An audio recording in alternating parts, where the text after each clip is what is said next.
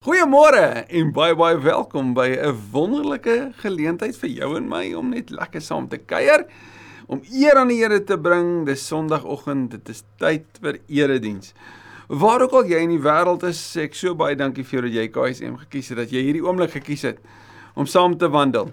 Miskien is hierdie dalk 'n geleentheid in jou lewe waarin jy rondgekyk het en bietjie ge soos wat ons maar soms doen, nê, nee, bietjie rondgeshop het en en en miskien is hierdie dalk juist die plek waarin jy gevoel het oor die maar ek ek het tuis geword by hierdie gemeente. Ek het tuis geword by Kerk sonder mure en dalk tuis geword by die aanlyn gemeenskap. Waar ook al jy in die wêreld jouself dalk mag bevind. Ons wil vir jou sê welkom en ook jou baie ten sterkste aanmoedig om in te skakel, betrokke te raak. Te kyk waar kan jy ook vanuit jou plek in jou lewe die verskil maak in in verhouding met kerkfamilie as deel van die familie. Hoe kan hoe kan ons saamwerk in die uitbreiding van die koninkryk? Is regtig lekker om ook op hierdie manier met mekaar te kan kuier. Ek weet daar's van ons hier wat dalk sê nee. Vandag is ek dalk nie op 'n ander plek in die wêreld nie. Ek's in Suid-Afrika, maar ek en my gesin is elders waar ons nie naby 'n gebou is een van die kampusse van Kersfeesmure waar ons kan gaan bywoon nie. Maar ons skakel op hierdie wyse in. Daar kamp jy en jy jy het steeds gekies om ver oggend hierop in te skakel. Ons wil vir jou ook sê baie dankie dat jy dit kies en dat ons op hierdie manier ook saam kan wandel. Onthou asseblief ook volgende Sondag, die 6de, is dit tyd vir Visie Sondag. Dis waarin jy gaan hoor wat is die plan en die visie en dit wat die Here op jou hart gelê het van die leierskap van Kersfeesmure vir die jaar wat kom. Moet dit asseblief nie mis nie. Jy gaan baie leer oor die identiteit van 'n gelowige, oor geloofsvorming en natuurlik oor dit waarmee ons wil besig wees in hierdie jaar. Dit wat ons by die Here gehoor het en waar ons mekaar mee wil aanmoedig op die pad met die Jesus lewe agter hom aan. Maar vir oggend, nie die oomblik. Daar's net een daarvan. Daar's nie nog so 'n geleentheid soos hierdie nie. Hy gaan nie weer plaasvind nie. Hy's nou hier. En miskien is dit dalk later as vanoggend in jou lewe. Miskien is dit al weke later en jy skakel nou in. Hierdie praat nou met jou daar gaan nie weer so geleentheid wees nie. So kom ons maak soos Kolossense 4 sê die beste gebruik ook van hierdie geleentheid en ons vra die Here om ook sy woord te seën. Dankie Here Jesus dat dat ons in absolute afhanklikheid van U en in absolute afwagting van U werk in ons lewe kan bid dat U hierdie woord waarvan U die outeur is dat U dit so sal gebruik in ons lewe dat dat ons ook vandag gekonfronteer sal word met die groot vraag wat U vir ons wil vra. Vra oor ons wêreld, maar vra ook oor ons lewe. Dankie vir die waarheid van U woord. Dat die tydlose waarheid dat dit wat wat letterlik eeue terug geskryf is klink klaar vars en nuut vandag so in ons lewe inspreek dat ons dit as dit ware direk van U af hoor. Dankie dat U Gees aan die woord kom. Waarom bid ek so o Gees van die lewende Here dat U so in ons lewe sal praat ons Jesus se woorde sal hoor en dat ons die toepassing daarvan in ons lewe baie ernstig sal opneem. Nie as iets net om om vir ons nuwe inligting te gee nie, maar iets om ons lewens te verander. Dankie dat ons kan hoor van die groot belydenis wat so sterk en so helder vandag ook uitpasyn word reg oor die wêreld deur elke geloofsgemeenskap wat bely dat Jesus die Here, die opgestane Here is, maar dat ons dit ook kan hoor vandag by monde van die man wat dit gesê het. By monde van die Here wat dit bevestig het. Mag ons mooi luister. Ek bid dit in Jesus se naam. Amen. Amen.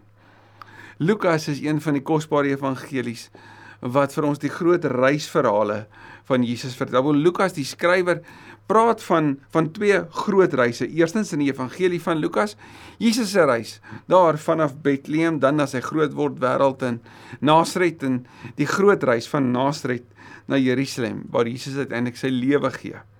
Hy vertel in Handelinge ook van 'n baie groot reis van die kerk wat begin in Jerusalem en die kerk wat uiteindelik eindig in Rome wat in daai tyd die uithoeke van die wêreld is. So Lukas is altyd op reis.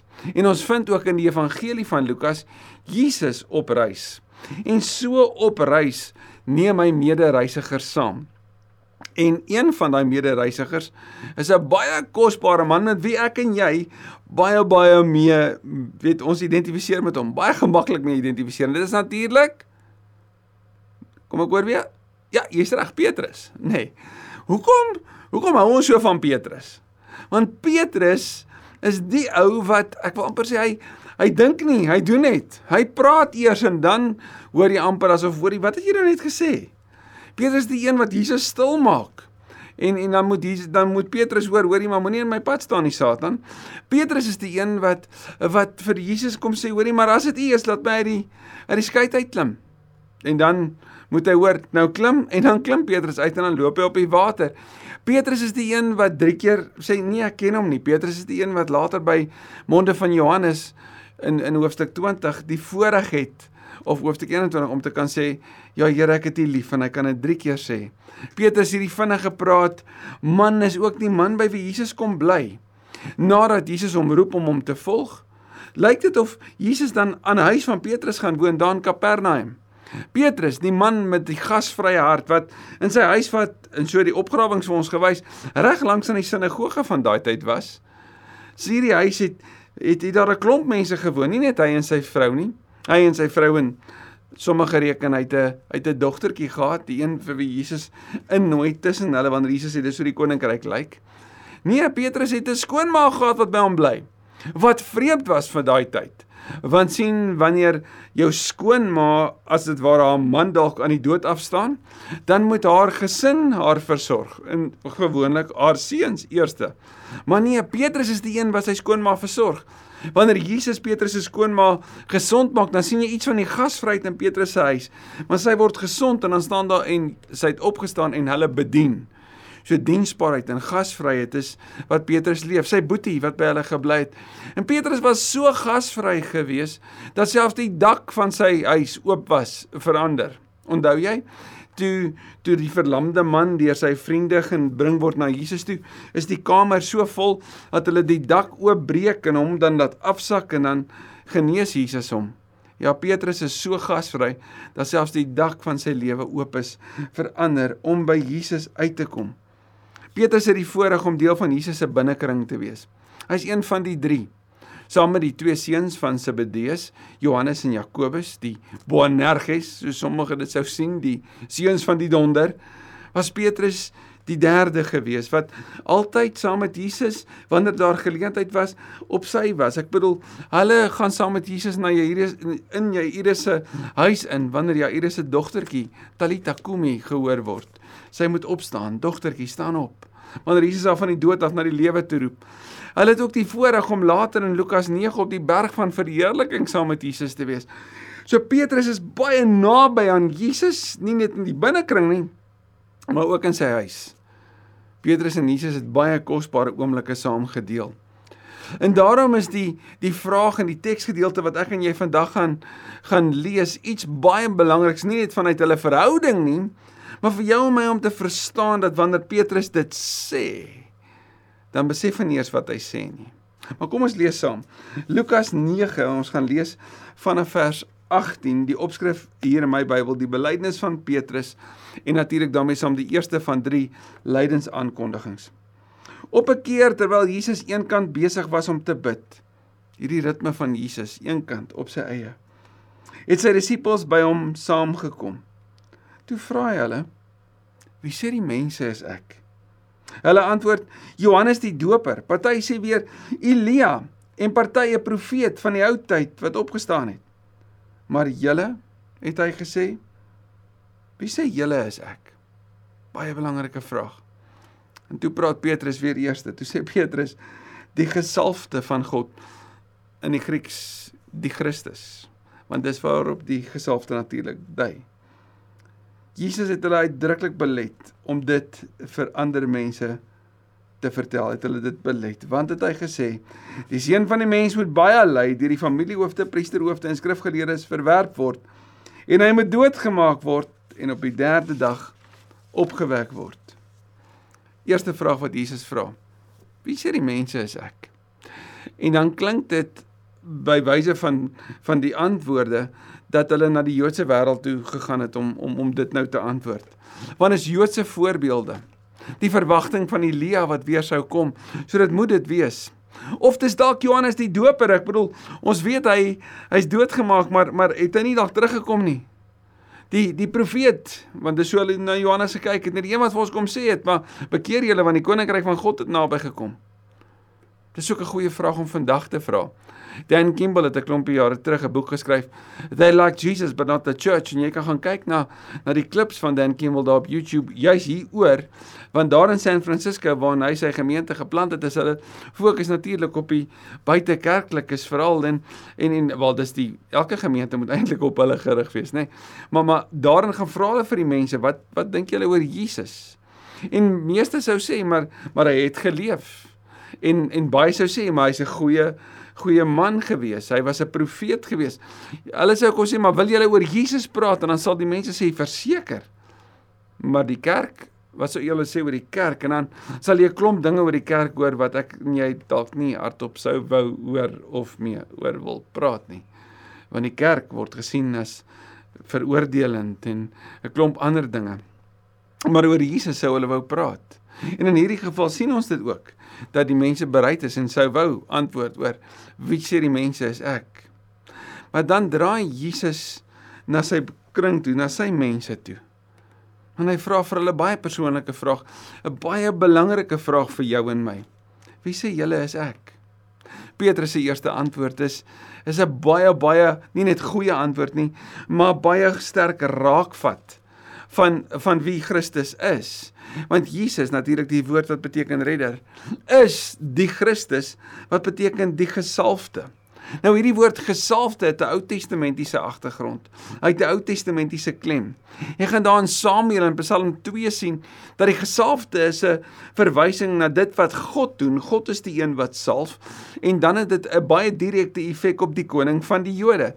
Die koning van die Jode is deur God gesalf. Wel die profeet het hom gesalf want dit sê dit kom van die Here af. So hy is die koning. Aan die ander kant, jy kan weer Psalm 2 en weer eens in 2 Samuel gaan lees, gaan jy sien dat in 2 Samuel 7:14 en Psalm 2 vers vers 7 dat daar van die koning vertel word, die koning van die Jode dat hy 'n uh, 'n seun vir God is, dat God sy vader is. So, gesalfde, Ou Testamentiese fokus, koning van die Jode, seun van God. Christus, die gesalfde, koning van die Jode, seun van God.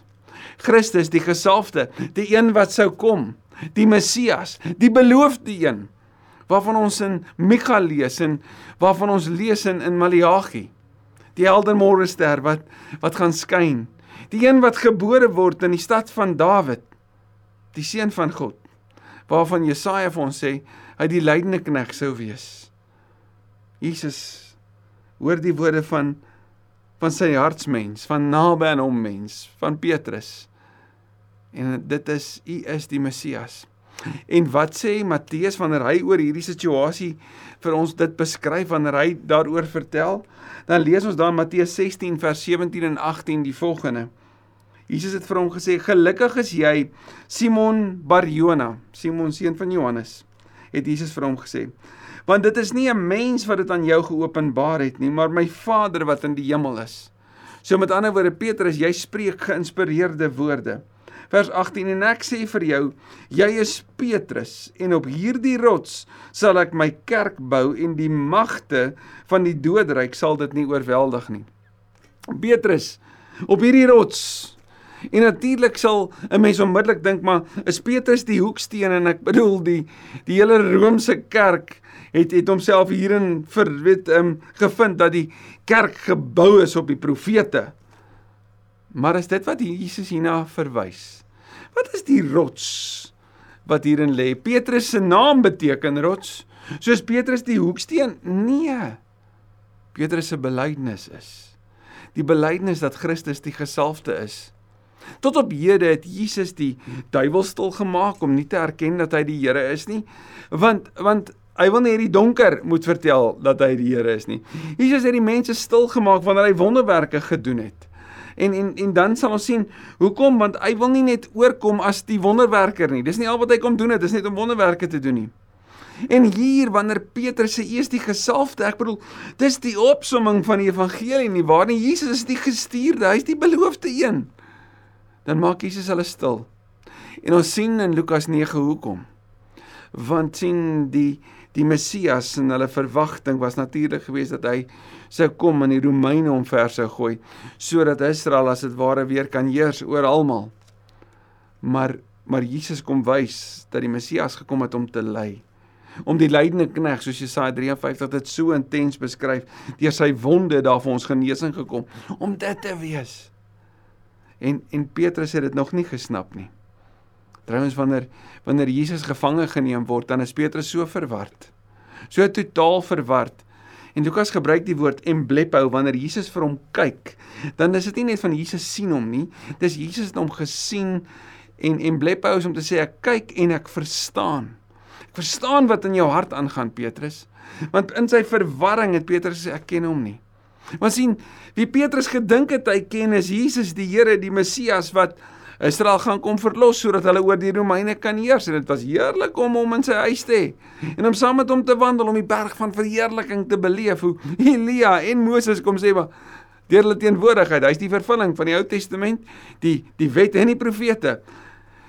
En daarom wil hy op daai stadium vir hulle skoon hitte bou en in en en in in aanbidding en verwondering die oomblik vasvang maar Petrus sien Jesus word gevange geneem hy ken nie dit nie Hy ken nie die een wat verhoor moet word nie.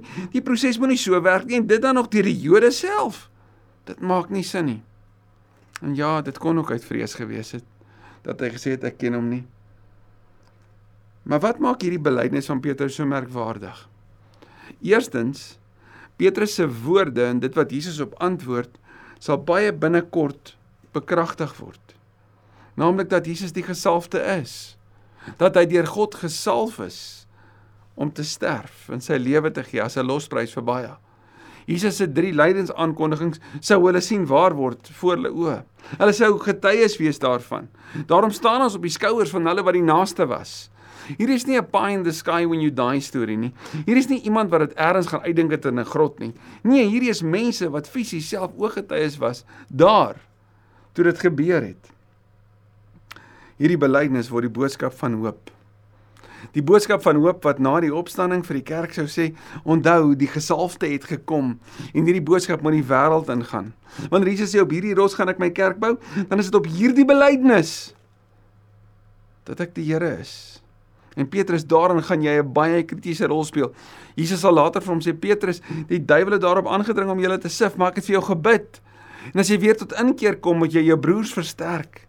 So ja, Petrus was 'n bron van versterking. Petrus was die eerste verkondiger na die na die uitstorting van die Gees en en Petrus het 'n baie belangrike rol gespeel nie net in die kerk in Jerusalem nie, nie net in die vergadering in Handelinge 15 nie, nie net in in in in Rome waarin hy Paulus ook geondersteun het nie, ook in sy deel van sy storie aan Markus wat die eerste evangelie ge geskryf het. So Petrus het oral 'n klomp rolle gespeel in Kornelius se lewe daar in Handelinge 9 en 10. So Petrus was beide sendeling en kerkleier gewees. Maar Petrus was volgeling. Petrus was 'n geliefde vir Jesus. Naby hom. Maar Petrus was van die eerste getuies. En dit noem hy ook wanneer hy skryf, ons het self gesien, ons was self daar. Dis nie stories net nie. Ons die die wegkruiper ons was hulle gewees wat eerste weer in Jerusalem, daar waar die vervolging gebeur het, wat dit daar vertel het. Ons het dit alles beleef. Maar niks van Petrus se belydenis op hierdie oomblik het vir hom sin gemaak soos dit vir hom sin gemaak het op daardie Sondagoggend toe hy by die graf kom en beleef saam met Johannes die graf is leeg nie. Toe hulle daai belydenis deel. Toe hulle die aand vir Jesus fisies sou sien en sou beleef nie hoe hulle met van tyd tot tyd elke keer om weer gesien het tot en met sy hemelvaart. En na sy hemelvaart en na die uitstorting van die gees sou hierdie die boodskap wees waarmee hulle die wêreld ingegaan het. Met alles binne in hulle want sien skielik het alles sin gemaak. Jesus se wonderwerke het gedui op wie hy is. Jesus se lering het gedui op wie hy is. Wanneer 'n vrou met bloedvloeiing aan hom vat dan het Petrus hulle besef maar die die die vleuel in die vleuels van die rabbi is daar genesing so het hulle geglo. En dit is presies wat Mariagie 4 van praat en die son van redding wat sou skyn praat ook van die dienaar van geregtigheid wat sal kom en daar gaan genesing wees in in die vleuels en die vleuels was aan die punte van sy in die tossels van sy kleed en hy het dit fisies gesien Hy het gesien hoe Jesus verhale vertel en profeseë gee van wat sou gebeur, wat gaan aan aanbreek en hy het dit gesien waar word. Skielik het alles begin sin maak. Hierdie boodskappe wat Jesus vertel het oor oor die arbeiders en oor die wingerd en wanneer hy hulle uitgestuur het, het hulle teruggekom met die wonderlikste getuienisse dat dit waar is. En dit het alles meer en meer begin sin maak en soveel betekenis gekry. Daardie Sondag toe Jesus opgestaan het en nadat hy hemel toe gevaar het. En waar vind ons vir Jesus nadat hy opgestaan het in Lukas 24 weer op pad? Op pad na die uithoeke toe. Nee, in hierdie geval op pad na Klopas en sy vrou toe om vir hulle te gaan aanmoedig daar waar hulle na hulle huis in Emmaus toe op pad was om om te gaan uh, rou want hulle het gedink die die Messias is toe dood. Dis die derde dag, dis Sondag. Hulle weet nie van die opstanding nie. Alles is net te vergeefs. En wanneer Jesus saam met hulle beweeg en met hulle brood breek en hulle oë oopgaan en hulle besef dit is hy, hy het opgestaan, hy leef. Dit is hierdie verhaal van Jesus op weg na na ander toe wat Petrus so inspireer dat hy later sou besef maar hierdie belydenis dat hy die gesalfde is is toe nie net vir die Jode bedoel nie dis vir almal bedoel. En wanneer hy vir Kornelius ontmoet daar in Handelinge 9 dan ontdek hy maar Kornelius hierdie man hierdie Italiaanse man van die Italiaanse reglement ook hy is 'n dienaar van God. Ook hy en sy gesin wat heidene was wat vir Petrus mense was wat jy vir my het is deel van God se familie. En hierdie belydenis hierdie boodskap van hoop wat Petrus aangehoor het toe hy dit gespreek het en Jesus dit bevestig het. Waarskynlik die bron wat met die wêreld gedeel moet word. En Petrus sou dit so intens ervaar. In Handelinge 2 na die uitsorting van die Gees, waarmee begin Petrus wanneer hy preek? Hy sê Jesus het opgestaan. Gaan lees maar Handelinge 2:24 en 32 dat die opstanding die basis is waaruit die Christen geloof gegroei het. En dan lees ek graag vir jou uit Petrus se eie mond, sy eie handskrif wanneer hy die brief geskryf in 1 Petrus 1 vers 3 aan God die Vader van ons Here Jesus Christus kom al die lof toe. In sy groot ontferming het hy ons die nuwe lewe geskenk deur die opstanding van Jesus Christus uit die dood. Nou het ons 'n lewende hoop op die onverganklike, onbesmette en onverwelklike erfenis wat in die hemel ook vir julle in bewaring gehou word. En omdat julle glo, word ook julle deur die krag van God veilig bewaar vir die saligheid wat reeds gereed is om aan die einde van tyd geopenbaar te word. Hierdie Jesus wat opgestaan het, is die gesalfde, is die redder. En omdat hy opgestaan het, sal julle opstaan. En die feit dat julle sal opstaan maak dat julle ook nou kan volhard want daar's 'n onbesmette, onverwelklike erfenis wat nou aan jou behoort wanneer Petrus gelys word met die in die lys van disippels, is hy altyd eerste. En Judas is laaste. Petrus hoor op hierdie rots gaan ek my kerk bou en sommige sou kon dink en dalk met goeie rede kon sê maar Petrus is die rots. Maar wanneer Petrus na homself verwys, is ek seker hy sien hom nie so nie. Ek dink Michael Card se beskrywing van Petrus is dalk die een wat die mees korrekste is, naamlik the fragile stone. Petrus die brose klippie. Want wanneer Petrus na gelowiges verwys, dan noem hy hulle lewende stene. Gelowiges is lewende stene wat opgebou word tot 'n huis waarin die Here woon. So nee, Petrus, jy's nie die rots nie. Jesus is die rots. Hy's die hoeksteen, hy's die basis. En Petrus sê amen daarop. Ek is maar net deel van die lewende stene soos die tienerbediening by Kerk van die Mure genoem word. Lewende stene gebou tot 'n geestelike huis waarin God woon. Petrus moes hoor hy en die ander disippels, wie sê die mense is ek? Kan ek dit vandag vir jou vra? Wie sê die mense in jou werkkring, in jou lewenskring, ja in jou wêreld? Is Jesus. Het jy al die moeite gedoen om hulle te vra? Wie is Jesus vir hulle? Maar meer nog vandag. En jy? En ek? Wie sê ons is hy? As iemand vandag vir jou in 'n hoek vasdruk, en sê ek gaan nou 'n video neem en dit wat jy nou sê gaan ek die wêreld instuur. Wat sal jy antwoord as die vraag is wie sê jy is Jesus? Petrus sê die gesalfde. Wat sê jy? Amen. Kom ons bid. Dankie Here dat ons ook vandag op hierdie belydenis kan staan. Dat U die gesalfde is, dat U die Here is. Dis die boodskap deur die eeue heen en dis die waarheid ook vandag Ons staan op daai belydenis. U is die een wat die vervulling van die ganse Ou Testament is.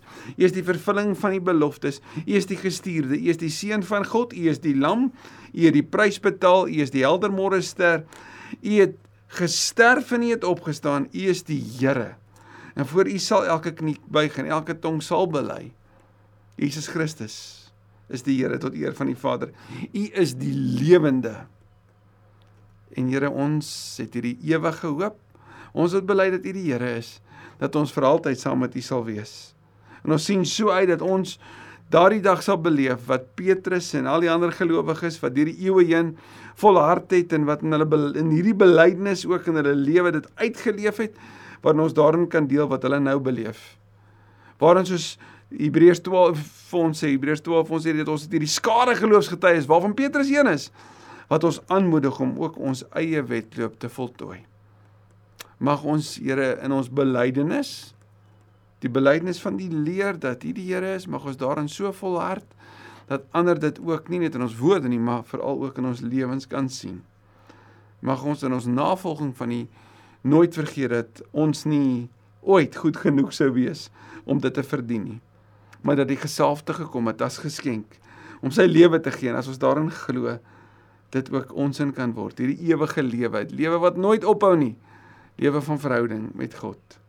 Ons eer U vir die voorreg en ons eer U vir hierdie belydenis in Jesus se naam. Amen.